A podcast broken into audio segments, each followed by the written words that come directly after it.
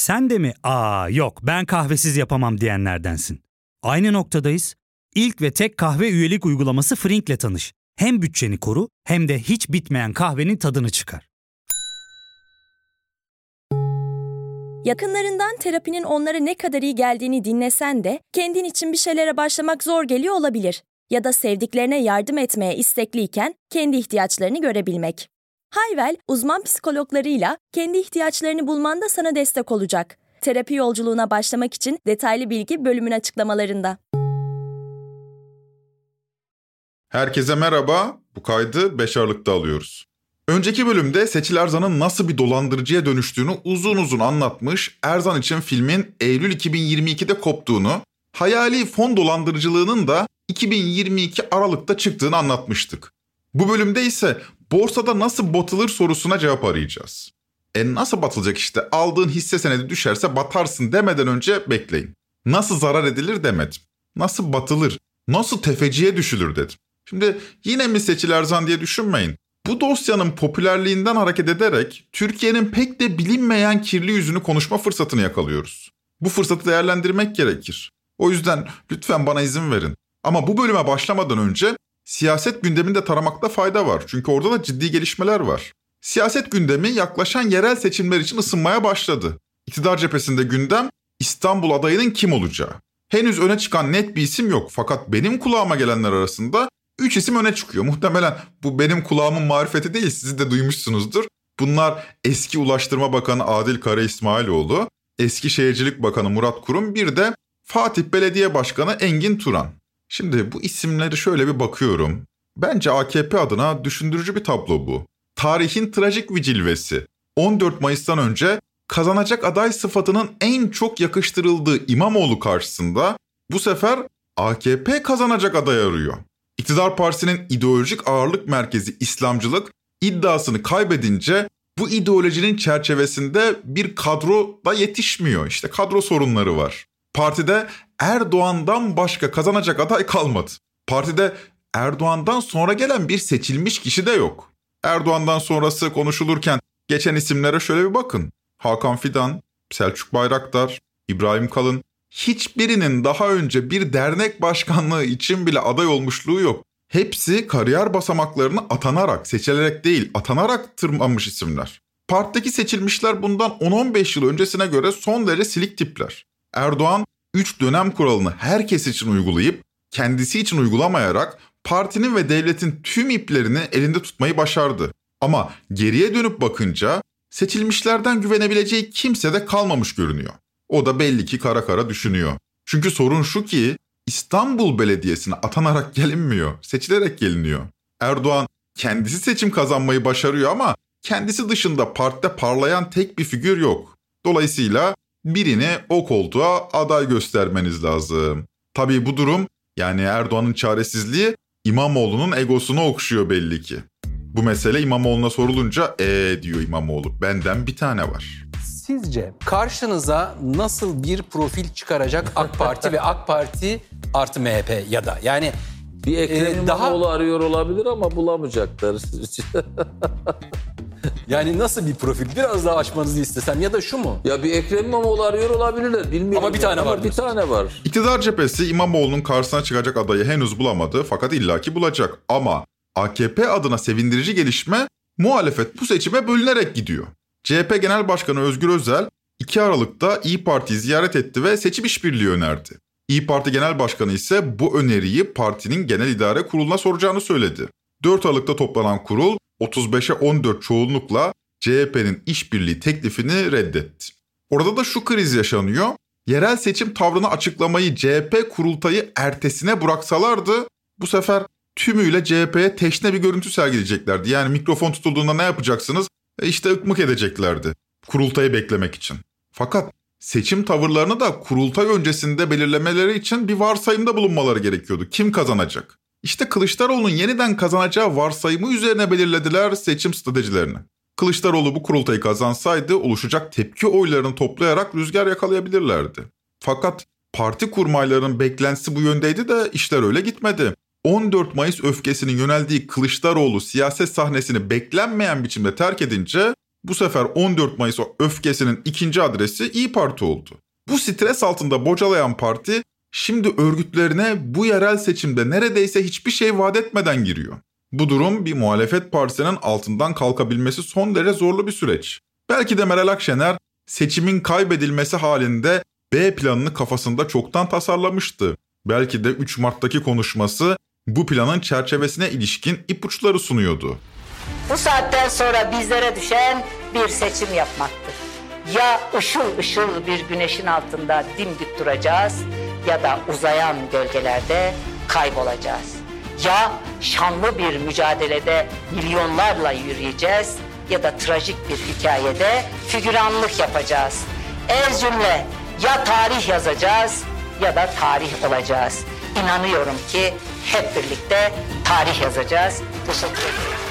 İyi Parti tarih olur mu? Elbette tarih olmaya çalışıyor diye bir iddiamız yok. Yani yeri geldi diye bu ifadeyi andık. Şimdi Türkiye'nin solu iktidarı unutmuş durumda. Türkiye'nin sağı ise iktidar olmadan yaşayamayacak durumda. Yani bir taraf iktidarı unutmuş, bir taraf iktidara aşırı alışık vaziyette. Türkiye'nin sağında kurulan yeni partiler geçmişte iktidara ortak olamadıklarında ayakta kalamadılar. İşte tarihimiz aslında sağ parti çöplüğüyle dolu. Ve İyi Parti yerel seçimlerde bile iktidar olmak istemiyor. Peki İyi Parti tarih olur mu? Şimdilik öngörmek zor ama şunu söyleyebiliriz. Siyaset çok acımasız ve İyi Parti 3 cepheden birden taarruz altında. Siyaset sahnesi İyi Parti'yi gücü transfer edilecek bir av gibi görüyor. Yani İyi Parti içinde 3 damar var ki bunlar kapıya yakın oturuyor.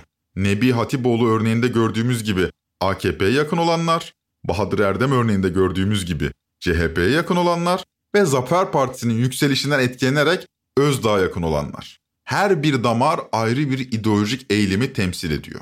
Akşener ise bu damarları görüyor ve tek çare olarak hür ve müstakil İyi Parti diyor. Çünkü dümeni nereye kırsa sırtını bu damarlardan diğer ikisine dönmüş olacak. Böylece hür ve müstakil İyi Parti fikri partinin geleceği açısından bir tercih değil bir zorunluluk haline alıyor. Bakalım hür ve müstakil kalmayı seçimlerden sonra da başarabilecekler mi? Ama bu yerel seçimin İyi Parti için bir varlık yokluk seçimi olduğu da açık. Muhtemel bir başarısızlık halinde, hatta daha fenası, başarısızlığa neden olma halinde bu yönelim sert şekilde sorgulanacaktır. Mesela Ankara veya İstanbul'un İyi Parti yüzünden kaybedilmesi durumunda hem İyi Parti içinden hem İyi Parti dışından yükselen sesler artacaktır. Akşener ise böyle bir taarruza dayanacak güçte görünmüyor. Bakalım ne olacak ama İyi Parti için son derece stresli bir süreç başladı. Önümüz seçim. Siyaseti mecburen konuşacağız ama bu bölümde daha fazla siyasete gerek yok. Bunun yerine seçiler zam dosyasında konuşulmayanı konuşalım. Çünkü belli ki birçok şey konuşulmuyor. Herkes fili tuttuğu yerden tarif etmeye çalışıyor ve dolayısıyla bu işi takip eden sizler muhtemelen bütünlüklü bir perspektif yakalayamıyorsunuz. Ne kaldı konuşulmayan demeyin. Medya en önemli konuyu atlıyor. Seçil Erzan ne için para topluyordu? Borsada battığı için. Peki ne diyerek para topluyordu? Bir yatırım fonuna katılmak için. O halde bu bölümün soruları belli. Borsada nasıl batılır? Batana ne olur?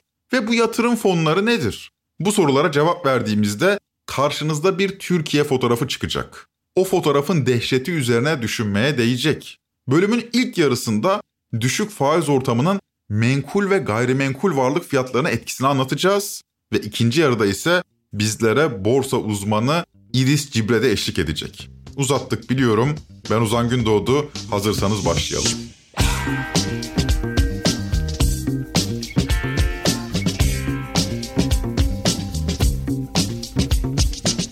Bundan iki küsür yıl önce işte 2021'in ilk aylarıydı yanılmıyorsam o zaman pandemi falan da vardı.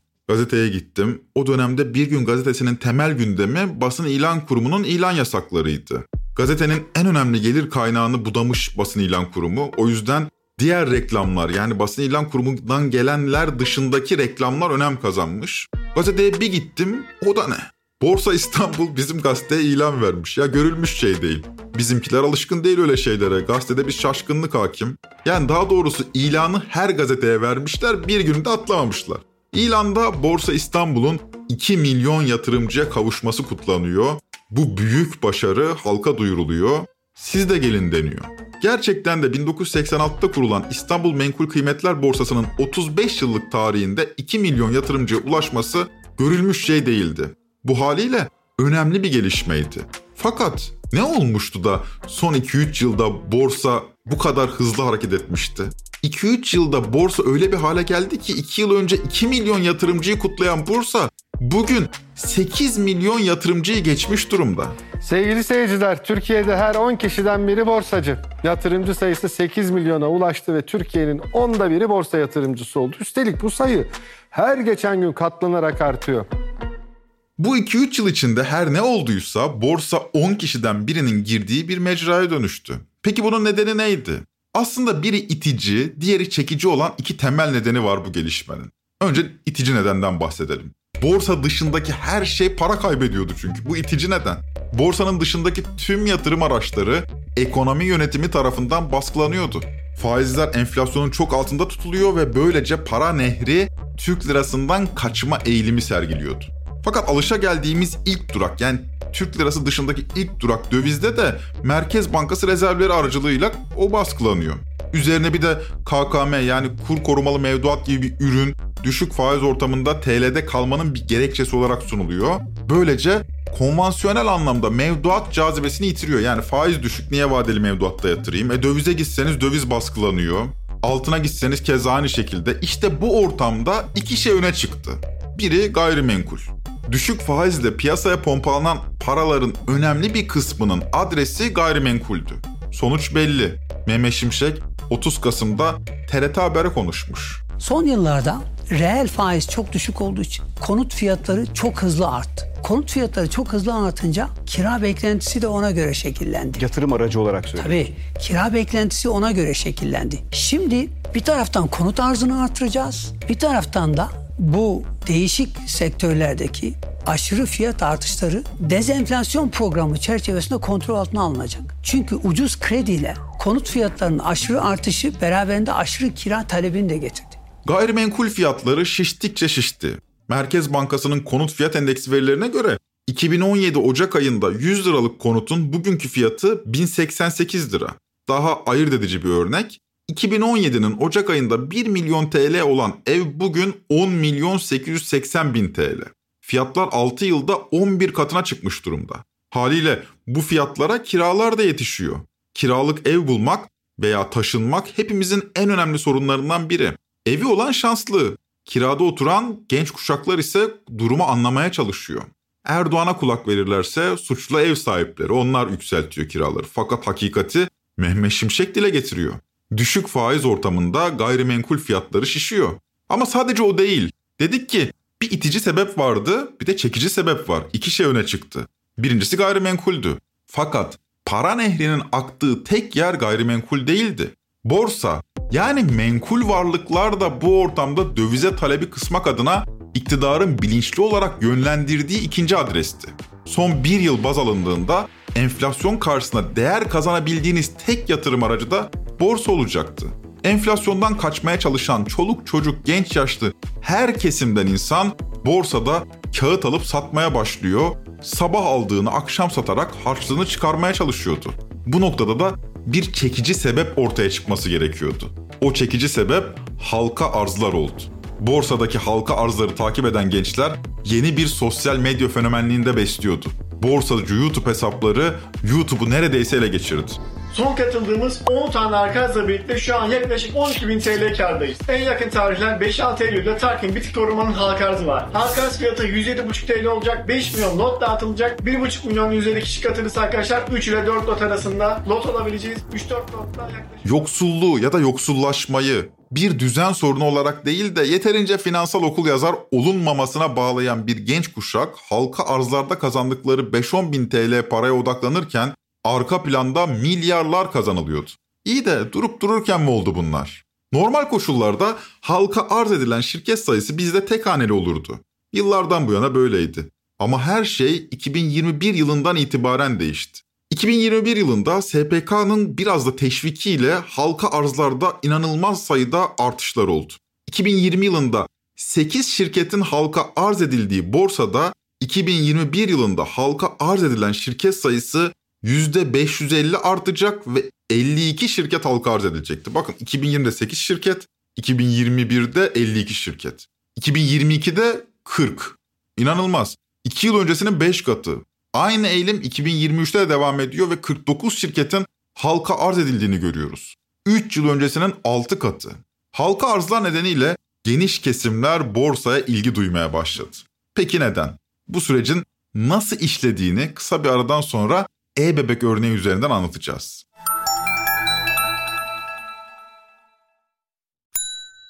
Ya fark ettin mi? Biz en çok kahveye para harcıyoruz. Yok abi, bundan sonra günde bir. Aa, sen Frink kullanmıyor musun? Nasıl yani? Yani kahvenden kısmına gerek yok. Frink'e üye olursan aylık sadece 1200 TL'ye istediğin çeşit kahveyi istediğin kadar içebilirsin. Günlük 40 TL'ye sınırsız kahve mi yani? Çok iyiymiş. Aynen. Hatta şu anda 200 TL'lik bir indirim kodu da var. E hadi hemen indirip üye ol da bu fırsatı kaçırma. Terapiye başlamak, içinden çıkamadığın döngüleri kırmak, bazı yanlış bulduğun kararlarını değiştirmek ve kendinle beraber daha huzurlu bir yaşam inşa etmek için atabileceğin en değerli adımlardan biri. Hayvel ile yoğun yaşam tempona uyum sağlayarak online terapi seanslarını takvimine göre ayarlayabilirsin. Bini aşkın uzmandan sana en uygun terapisti seçebilir, podb10 koduyla indirimden yararlanabilirsin. Detaylı bilgi açıklamalardaki bağlantıda. Bir halka arz örneği olarak e-bebeği ele alalım. E-bebek halka arzına bakalım. Hisseler ne oluyor? Nasıl bu halka arzda nasıl para kazanılıyor? Ben size anlatayım. Hisseler piyasaya açılmadan önce dağıtılıyor. Mesela diyor ki şirket ben %10'umu şirketimin sermayesinin %10'unu halka arz ediyorum. Ya %10'u ne kadar ediyor? Diyelim ki 1 milyon dolar ediyor. Ben bu 1 milyon doları milyonlarca lota bölüyorum. Bu lotları da eşit şekilde dağıtıyorum. İsteyen var mı diyorum. İsteyen var. Kardeşim diyorum bir lot 45 lira mesela. Şimdi örneği üzerinden ifade edelim. Misal e-bebekte henüz kağıt piyasaya açılmadan önce 40 milyon lot hisse dağıtılacağı duyuruluyor. Her lot içinde bir fiyat belirleniyor. 40 milyon lot, lot başına 46,5 TL. Ama dağıtım eşit yapılacak. Yani 40 milyon lotun 20 milyon lotunu ben almak istiyorum diyemiyorsunuz. Eşit yapılacak. 2 milyon kişi bu dağıtım için sıraya girdi diyelim ki. O zaman kişi başına 20 lot düşecek. Bir lotun fiyatı da belli. Bir lot 46,5 lira. 20 lot alırsanız 930 lira. İşte bu kadar.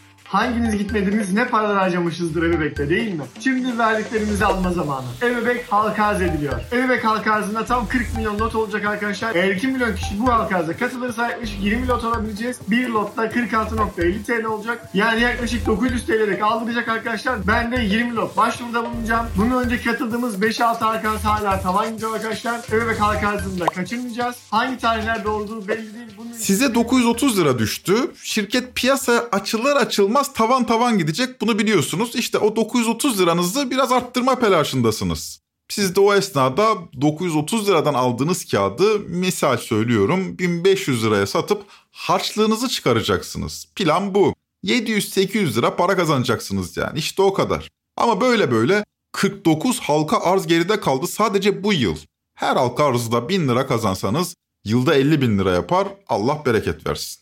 E-bebeğe ne oldu diye merak edenler için söyleyelim. Siz 46,5 liradan dağıtılan 20 lotu aldınız. Şirketin piyasaya açılmasını bekliyorsunuz. Şirket 3 Eylül'de borsaya açıldığında fiyat zaten 51,5 liradan işlem görmeye başlıyor. Yani daha açılışta lot başına 5 lira kardasınız. E sizde de 20 lot var eder 100 lira. Hisse açılışında hiç satıcı yok bu arada hep alıcı var. Haliyle satıcı yok ve sadece alıcı varsa hisse bir süre tavan gidiyor. Çünkü satan yok sadece alan var. 3 Eylül'de 51,5 lira olan hisse 10 Eylül'de 82 lirayı görüyor. Bu esnada satsanız 20 lottan 710 lira kazancınız var. Allah bereket versin. Peki bu tavan gitme ne demek? Çok basit. Açılış fiyatının %10 üzerine çıkmış demek. Tam tersi de mümkün. Ona da taban deniyor. Açılış fiyatının %10 altına inmiş. Şimdi gençler bu şekilde harçlığını çıkarıyor. İstifade edene afiyet olsun. Hiç kızmak ne mümkün haddimize değil. Ama kazanılan para harçlık kabilinden. Fakat şimdi bu halka arzlara katılan gençlere soralım. Sonuçta elinizdeki hisseyi bir şekilde satıyorsunuz. Yani para kazanmak istiyorsanız hisse değerlendikten sonra birine satmanız lazım. Peki kime sattınız? İşte sorun burada başlıyor. 6 ay önce kurulmuş 5-10 milyon dolarlık şirketler halka arz ediliyor ve bu kadar sığ bir piyasada manipülasyon o kadar kolay ki. ünlü ekonomistlerimizden Atilla Yeşil'a da konuya parmak basıyor. Vallahi Allah herkese akıl versin. Bindik bir alamete gidiyoruz. Kıyamete diyorum. Benim Bay Döner, Midyeci Ahmet gibi kuruluşlara karşı en ufak bir negatif yorumum olamaz. Bay Döner özellikle yani herhalde en iyi müşterilerinden biriyim.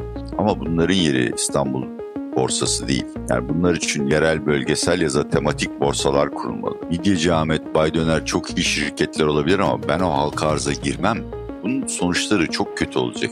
Sizin halka açık paylarınızın piyasa değeri 100 milyon dolarsa manipülasyon yapmak çok zor. Ama 5-10 milyon dolarla halka arz edildiyseniz kaç tane kötü niyetli insanın o tahtayı ele geçirip istediği gibi manipüle etmesi ve masum çaylak borsa yatırımcılarına büyük zararlar vermesi çok olası. SPK ile İMKB'nin muhakkak bu soruna bir çare bulması lazım. Borsanın son 20 yılında halka arzdan sonra halka arz fiyatının üstünde kalan hisse senetlerin oranı %25'i geçmez. Fakat mesele zaten halka arz edilen şirketin vadeli geleceği değildi ki. Herkes vurkaç peşinde. Bir haftada satılacak olan hisselerdi bunlar. Tahta açılır açılmaz hisseleri kapan kapıyor, 2 gün sonra, 3 gün sonra satılıyor. 4 gün tavan giden bir hisseyi düşünelim. İlk gün 100 liradan açılmış, gün sonunda tavan gitmiş 110 lira olmuş. Ertesi gün bir tavan daha, fiyat 121 lira. Ertesi gün bir daha, fiyat 133. Bir tavan daha 146. Ne oldu? 4 günde %46 kar. Sadece 4 günde. Ya şimdi şunu diyebilirsiniz. Ozan sen de gençlerin 3 kuruşuna taktın. Gençler buraya 1000 lirayla giriyor. işte 1500 lirayla çıkıyor. Harçlığını çıkarıyor. %46 kazansalar ne demeden önce bir dinleyin.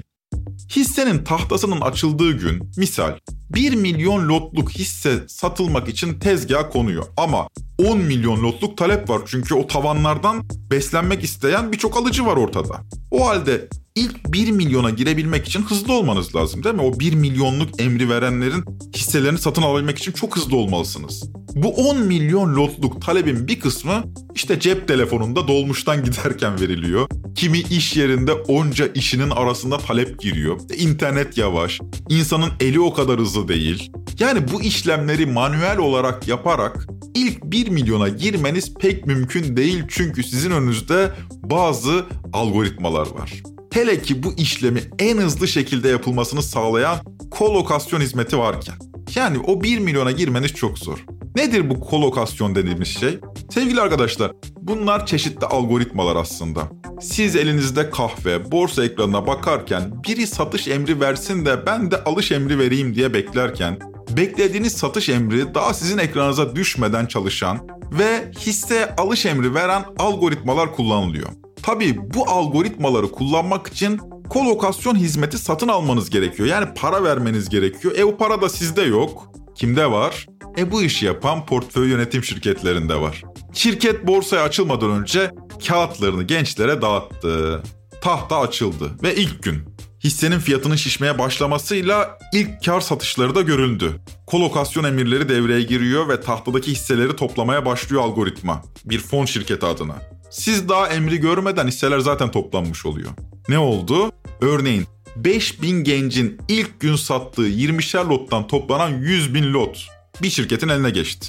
Ertesi gün 200 bin lot daha, ertesi gün 1 milyon lot daha. Tavan tavan gidiyorsunuz. Gençler harçlıklarını çıkardı, şimdi vurgun sırası büyük fonlarda.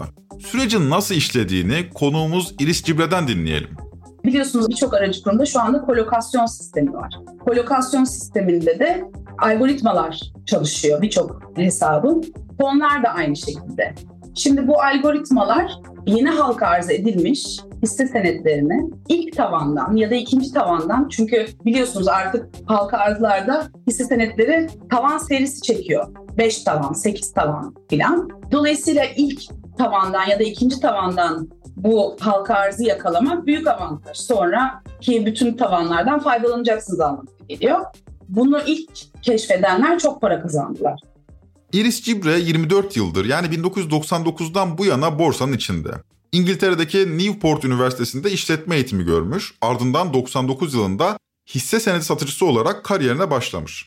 Çok sayıda portföy şirketinde yöneticilik yapmış. Şimdilerde de kendi şirketinin başında yani hem alaylı hem mektepli. Bu borsa ve halka arz meselesini bu zamana kadar neden anlattık? Şu yüzden. Seçil Erzan'ın futbolcuları dolandırdığı ortaya çıkınca ya dolar bazında aylık %30 %40 kar mı olur bu futbolcular da ne safmış deniyordu. Halbuki o kadar da saf değillerdi. Bu mümkündü. Bu tip getiriler elde edebilmenin yolu da Seçil Erzan'ınkiyle aynıydı. Paranın adresi yatırım fonlarıydı. Nedir bu yatırım fonu? Kitabın tanımı şöyle. Birçok yatırımcının bir araya gelerek ortak bir havuz oluşturduğu ve profesyonel bir yönetici tarafından yönetilen yatırım aracı. Siz de tasarrufunuzu bir fona yatırabilirsiniz bu arada. Yani gayrimeşru bir durum yok. Bunun için bir aracı kurum ya da bankanıza gidip örneğin para piyasası fonlarına, gayrimenkul fonlarına ya da katılım fonlarına mesela para yatırabilirsiniz. Bunun için şart şurt da yok. Hatta belki de tasarrufunuzu bu bahsettiğim fonlarda tutuyorsunuzdur, bilemiyorum. Ama bir fon türü var ki oraya yatırım yapmak herkesin harcı değil. Oraya yatırım yapmak için nitelikli yatırımcı olmanız gerekiyor. Ne demek bu nitelikli yatırımcı? Çok basit.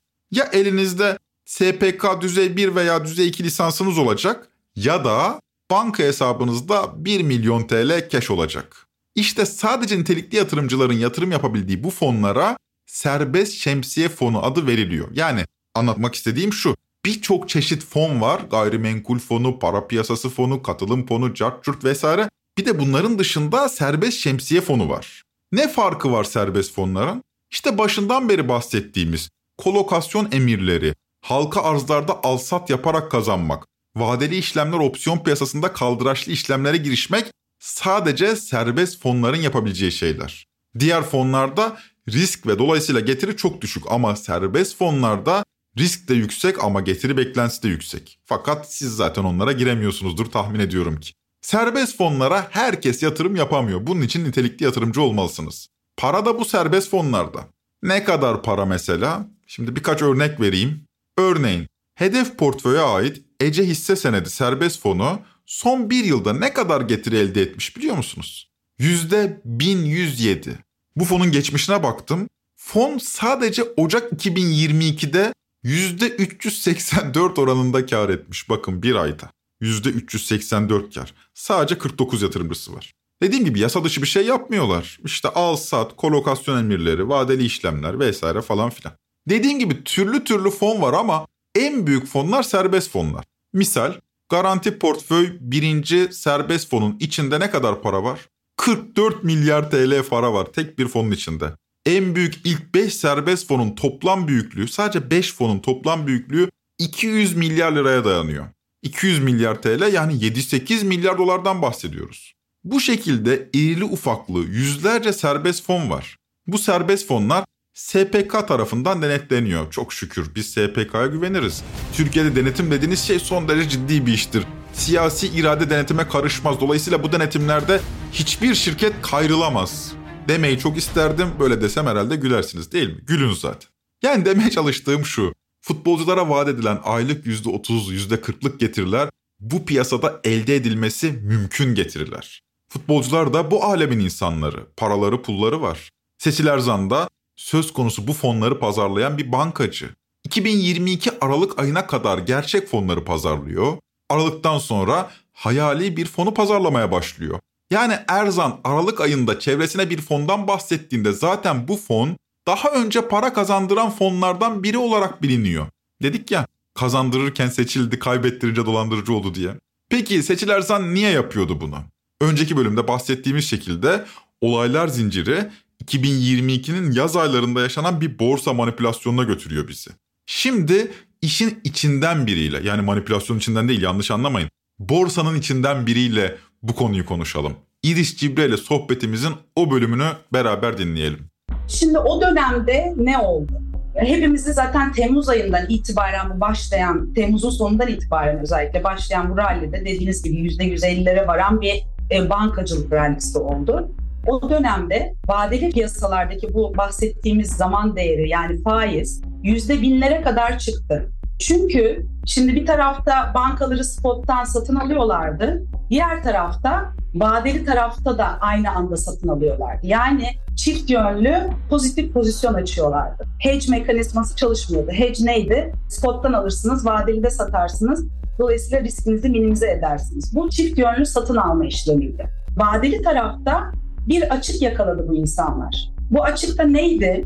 Şimdi normalde hisse senedini siz satın aldığınız zaman spot piyasadan kar ettikçe o hisse senedinizde nakit karşılığı olarak hesabınıza geçmez. Fakat vadeli piyasada takas artı bir gün olarak sistem çalışır. Bugün 100 TL mesela hisse senediniz değer kazandı 100 TL kar ettiniz. Hesabınıza o 100 TL ertesi günü ekstra olarak geçer ve siz o 100 TL ile ekstra kontrat satın alma imkanına sahipsiniz. Yani kümülatif bir şekilde kar ettikçe daha fazla kontrat alma imkanına sahip oluyorsunuz.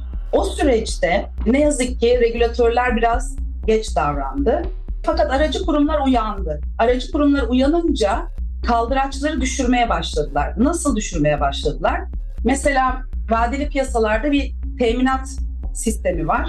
İşte kaldıraçı 1000 liralık ürünü 500 liraya aldığınız zaman bu kaldıraç 1'e 2 demek oluyor. Aracı kurumlar 1000 liralık ürünü ben 750 liraya veriyorum.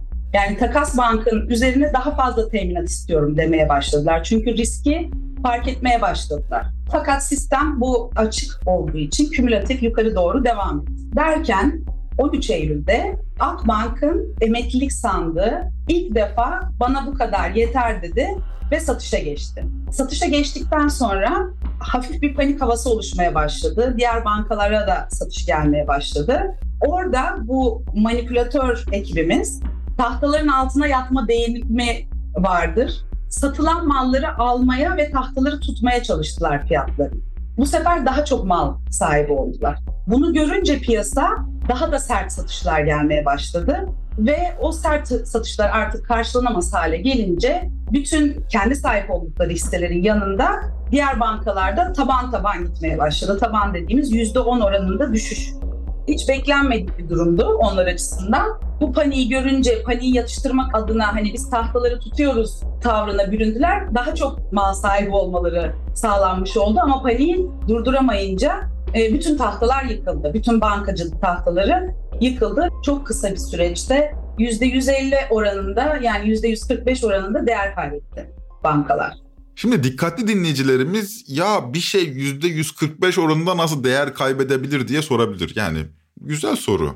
Sonuçta 100 liranız varsa %100 oranında kaybederseniz 0 liranız kalır. Hepsini kaybetmişsiniz sonuçta. Peki ya %145 kaybetmek ne demek? İşte bu durumda demek ki birinden borç alarak girmişsiniz bu işe. Demek ki eksiye düşüyorsunuz. Demek ki birine borçlu hale geliyorsunuz. Peki %145'lik değer kaybı esnasında terste kalan kişi ne yaşıyor? Bunu adım adım takip edelim. Bunu adım adım takip ederek aslında Seçil Erzan'ın Eylül ayında yaşadığı şeyi daha iyi anlayabiliyoruz. Kaldıraçlı piyasada %10'luk zarar yani bir hissenin taban yapması son derece yıkıcı sonuçlar doğurabiliyor.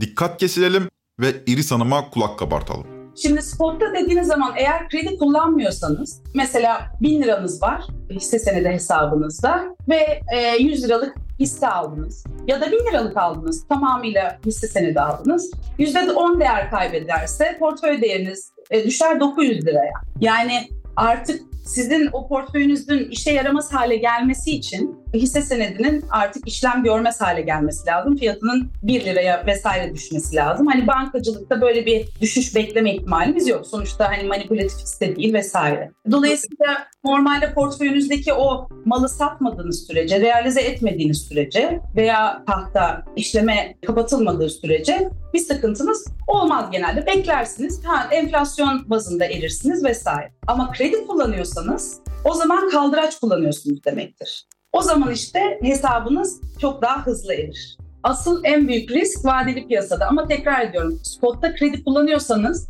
Anladım. bir de mesela bazen güneş krediler vardır. Onların kaldıraçları çok daha yüksektir. O tip krediler kullanıyorsanız o zaman orada da batma riskiniz var. Yine kaldıraç kullanmış oluyorsunuz aslında. Vadeli tarafta batmayı anlatayım. Mesela bir örnek vereyim size isterseniz. Şimdi bir kontrat 100 lot hisse senedinden oluşuyor. Ben de bir lot Ereğli vadeli kontrat almaya karar verdim. Şimdi bir lot Ereğli'nin spot fiyatı 40 lira 30 kuruş. Bir kontrat yani 100 lot hisseden oluşan bir adet 31 Aralık vadeli Ereğli kontratı 41 lira 50 kuruş. Şimdi o aradaki fark biraz önce anlatmıştık faiz. Şimdi şu anda Ereğli'nin teminat tutarı 800 TL. PSR denen bir oranla belirleniyor bu. Bugün işte %19.25 800 TL'ye denk geliyor. Spot'tan ben Ereğli almak istesem 100 lotun tutarı 4030 TL olacak. Yani ben 800 TL'ye 4030 TL'lik hisse alabiliyorum. Bu da kaldıraç demek ki 1'e 5. Yani 5 TL'lik ürünü 1 TL'ye alabiliyorum anlamına geliyor. Şimdi benim hesabımda 800 TL var. Bir kontrat 41.50 TL'den 800 TL teminatla Ereğli aldım. Diyelim ki Ereğli'nin fiyatı ben aldıktan sonra taban oldu. %10 düştü. 37.70 TL'ye. Şimdi 41.50 liradan almıştım. 37.70'e düştü fiyatı. 3.8 TL zararım var. Ama bir kontrat ne demiştik? 100 hisse senedinden oluşuyor. 3.8 TL çarpı 100 eşittir 380 TL. Ben zarar ettim. E ben 800 TL yatırmıştım hesabıma. %10 düşmesiyle ben hesabımdaki paranın neredeyse yarısını kaybettim. Ne yaptınız? 800 liranızla 3800 liralık hisse senedi aldınız. Hisse taban yaptı. Normalde 80 lira kaybedecekken 380 lira kaybettiniz. Paranızın yarısı neredeyse gitti. E tamam şimdi ne yapacaksınız? Şimdi bu birinci gün taban oldu. Ben neredeyse yarısını kaybettim. Sonra ertesi günü teminat tamamlama çağrısı alıyorum ben.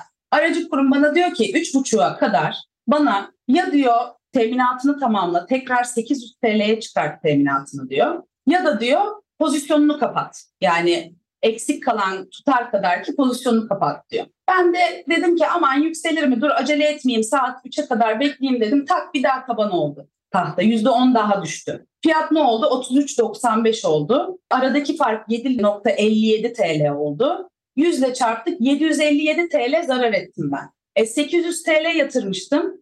Kaldı hesabımda 43 TL. Hayda. İki gün taban taban gidiyor ve yaklaşık 1'e 5 kaldıraçla paranızın neredeyse tamamını kaybettiniz bile. 800 liranızla 380 liralık hisse almıştınız. İki gün taban gitti ve paranız pula döndü 43 lira kaldı. Sohbete geri dönelim. Şimdi ben saat 3.30'a kadar ya 757 TL daha yollayacağım hesabıma ya da artık o 43 TL'ye üzerine bir de soğuk su için pozisyonumu kapatacağım ve kabulleneceğim zararı. Ama sonuçta neredeyse bütün paramı kaybettim. Aslında iyi bir trader.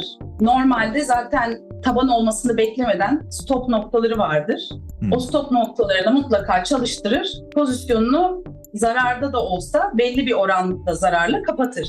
Ama tabii şöyle bir durum var. Bizim piyasamız, özellikle vadeli piyasalar çok volatil, aynı zamanda düşük likiditeye sahip. Dolayısıyla tahtalar iki gün üst üste hiç işlem görmeden, sizin stop etme imkanı vermeden taban taban açılabilir. Genel itibariyle iyi ve profesyonel traderlar o tip tahtalara da girmez ama bu bankacılık durumu çok ekstraordinary bir durumda. Onu hiçbir trader kaldıramaz.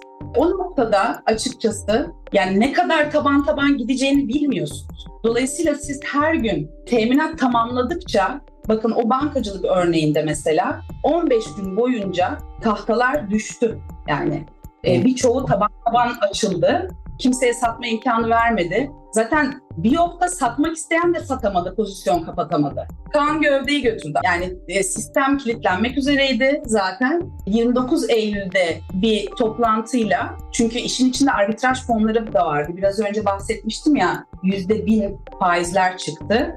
E, dolayısıyla bu arbitraj fonları için çok ağız sulandırıcı bir şey. Spot'tan alıyorsunuz, bir yoktan satıyorsunuz. E, yıllık %1000 faiz cebinizde. Korkunç paralardan bahsediyoruz. Onlar da sıkıştı tabii çünkü şimdi ellerinde kontrat var, shorttalar onlar. Onlar bir yokta para kazanıyorlar ama eğer vade sonunda sistem ve takas kilitlenirse onlar da zarar edecekler çünkü netleştirme olmayacak. Bütün bir sistemin zararından bahsediyoruz. Sadece manipülatörlerin değil. Anlatabiliyor muyum? Çok büyük bir krizden bahsediyoruz. Neyse ki 29 Eylül'de işte Takas Bank devreye girdi, Borsa İstanbul devreye girdi ve bütün sistemi bir şekilde açtılar. Geri kalan detaylar teknik biraz. Buradan bir yüzde bir biraz önce anlattığım örnek var ya yüzde yirmi düştü cebinde 43 TL kaldı. Bir yüzde bir daha düşseydi hesabı eksiye düşüyordu. Şimdi o zaman ne oluyor? 71 TL'ye eksiye düşüyor hesap. Teminatı tamamlayacak parası da yok. İşte satamıyor da çünkü taban. O zaman ne oluyor? İşte o zaman aracı kurum resen satış imkanına kavuşuyor. Fakat aracı kurum da satamıyor çünkü taban olmaya devam ediyor. Eksi bakiye de büyümeye devam ediyor. Ve artık parasını yatırması gerekiyor. Yatıracak parası yoksa işte Seçil Erzan örneğinde sizin anlattığınız noktada tefeciye gitmiş hanımefendi. Öyle anlıyorum ben. Başka noktalarda aracı kurumlar işte icra takibi başlatıyor ve parasını almaya çalışıyor. Seçil Erzan'ın telefon görüşmelerinden anlıyoruz ki Eylül ayının sonu itibariyle yana yakıla para aramaya başlıyor hanımefendi. Çünkü bir borsa manipülasyonu Seçil Erzan'ın işlettiği fonu da batırıyor. Tefeciye koşuluyor, günlük %100'e varan faiz oranlarıyla borçlanılıyor. Ardından o borçlar ödenemiyor. Sonra daha yüksek faizle borçlanılıyor. Bu esnada tefeciler kadının yapısına yapışıyor. Derken bu işin böyle olmayacağı anlaşılıyor ve dolandırıcılık tezgahı başlıyor.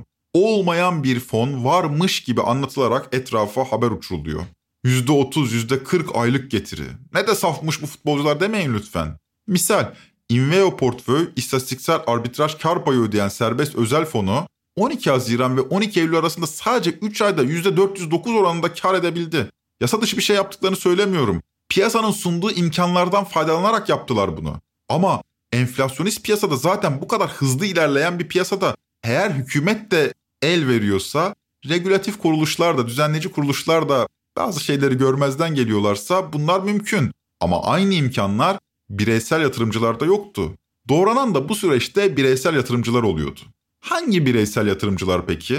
Halka arzlarla toplanan bireysel yatırımcılar. Orada bir şeye değinmek istiyorum. Şimdi evet 8 milyon yatırımcı var ama o 8 milyon yatırımcının çok büyük bir kısmı tamamen halka arzcı. Yani şöyle söyleyeyim size toplamda 8,5 milyon yatırımcı var MKK kayıtlarına göre son çıkan raporda. 8,5 milyon yatırımcının 3 milyonu 1000 ile 5000 TL arasında portföye sahip. Evet yani harçlık niyetine oraya koymuşlar bir şey. Yani ya da şöyle söyleyeyim daha vahim olanını söyleyeyim. 5 milyonu sıfırla 10 bin TL arasındaki portföye sahip. Dolayısıyla bu yatırımcılar halka arzlara giriyorlar. 1000 liralık alabiliyorsunuz zaten artık biliyorsunuz eşit dağıtım var. 1000 liralık alıyorsunuz, 500 liralık alıyorsunuz. Yani çıkartacağınız şey e, çay parası.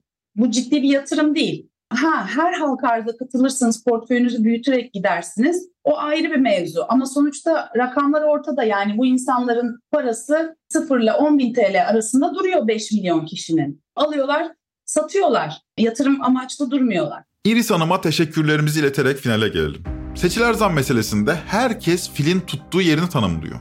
Her gün piyasaya bir başka seçiler zam haberi düşüyor.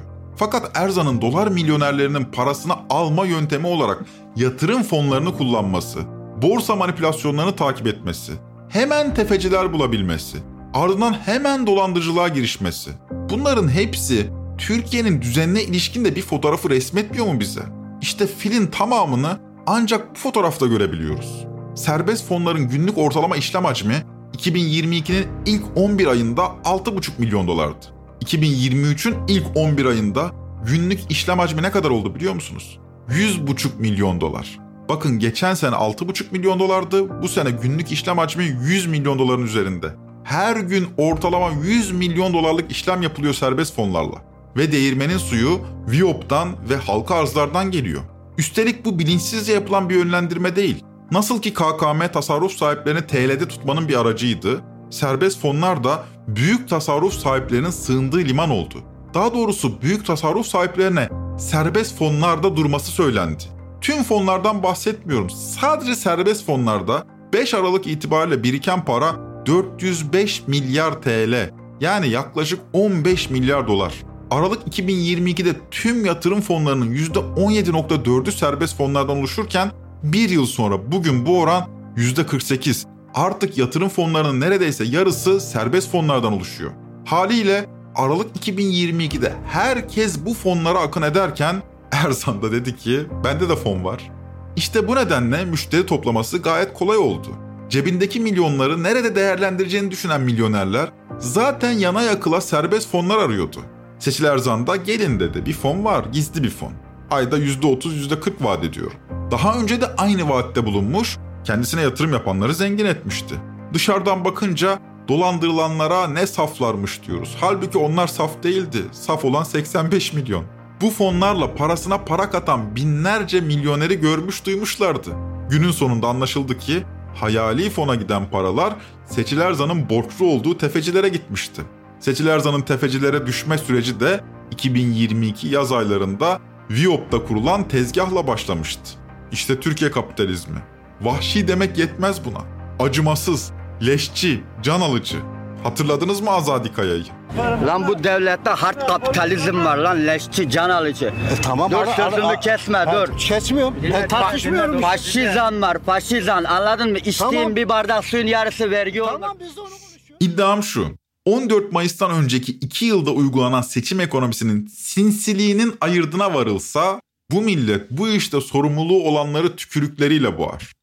Vaziyete Azadi Kaya uyanmış, hastalığın teşhisini koymuş. Hard kapitalizm. Kısmet 85 milyonun başına. Trend Topi'yi Podbi Medya ile beraber hazırlıyoruz. Bir sonraki bölüme kadar hard kapitalizmin yaşadığımız tüm sorunların temel nedeni olduğunun bilinciyle kalın. Hoşçakalın.